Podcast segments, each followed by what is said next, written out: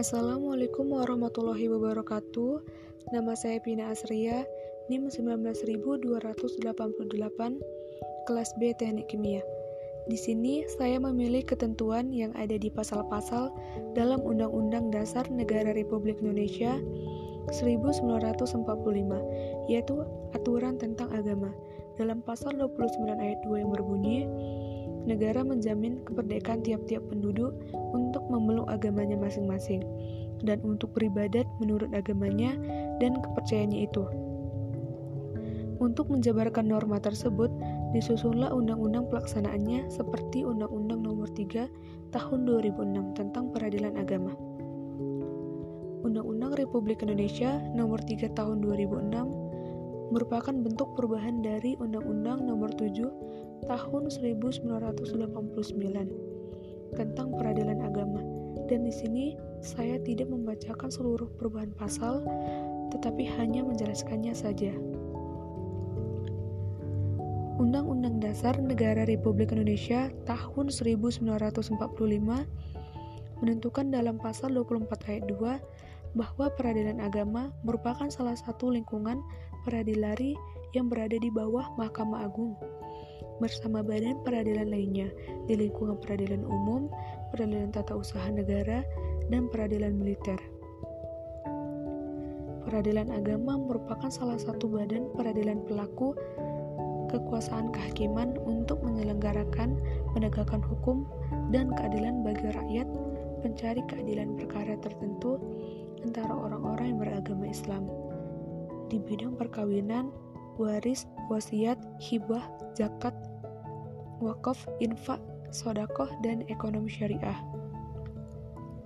Dengan penegasan kewenangan peradilan agama tersebut, dimaksudkan untuk memberikan dasar hukum kepada pengadilan agama dalam menyelesaikan perkara tertentu tersebut, termasuk pelanggaran atas undang-undang tentang perkawinan dan peraturan pelaksanaannya, serta memperkuat landasan hukum mahkamah syariah dalam melaksanakan kewenangannya di bidang jenayah berdasarkan Ganun.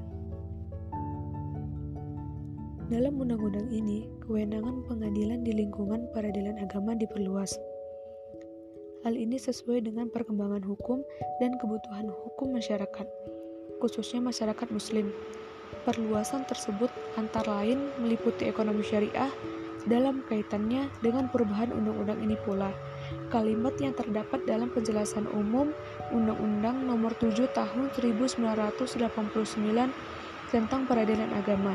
Yang menyatakan para pihak sebelum berperkara dapat mempertimbangkannya untuk memilih hukum apa yang dipergunakan dalam pembagian warisan. Dinyatakan dihapus.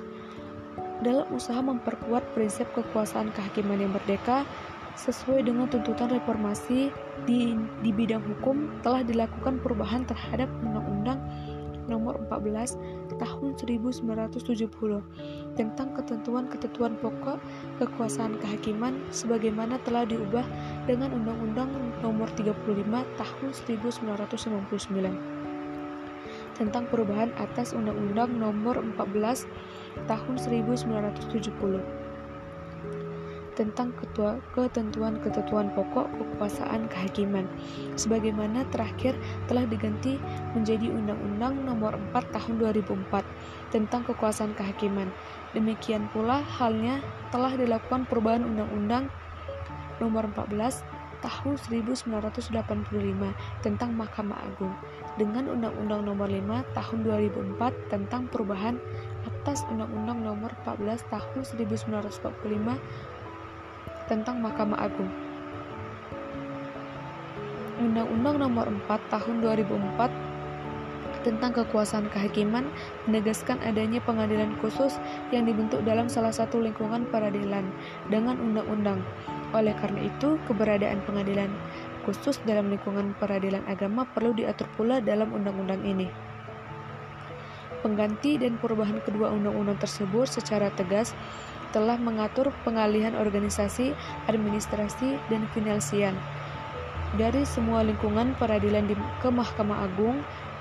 Dengan demikian, organisasi administrasi dan finansial Badan Peradilan di Lingkungan Peradilan Agama yang sebelumnya masih berada di bawah Departemen Agama berdasarkan Undang-Undang Nomor 7 Tahun 1989 tentang peradilan agama perlu disesuaikan berdasarkan ketentuan Undang-Undang Nomor 4 Tahun 2004 tentang kekuasaan kehakiman pengalihan ke Mahkamah Agung telah dilakukan untuk memenuhi ketentuan dimaksud perlu pula diadakan perubahan atas Undang-Undang Nomor 7 Tahun 1989 tentang Peradilan Agama. Baiklah, hanya ini yang dapat saya sampaikan. Apabila ada kekurangan dalam penyampaian, saya mohon maaf. Saya akhiri wabillahi taufiq walhidayah. Assalamualaikum warahmatullahi wabarakatuh.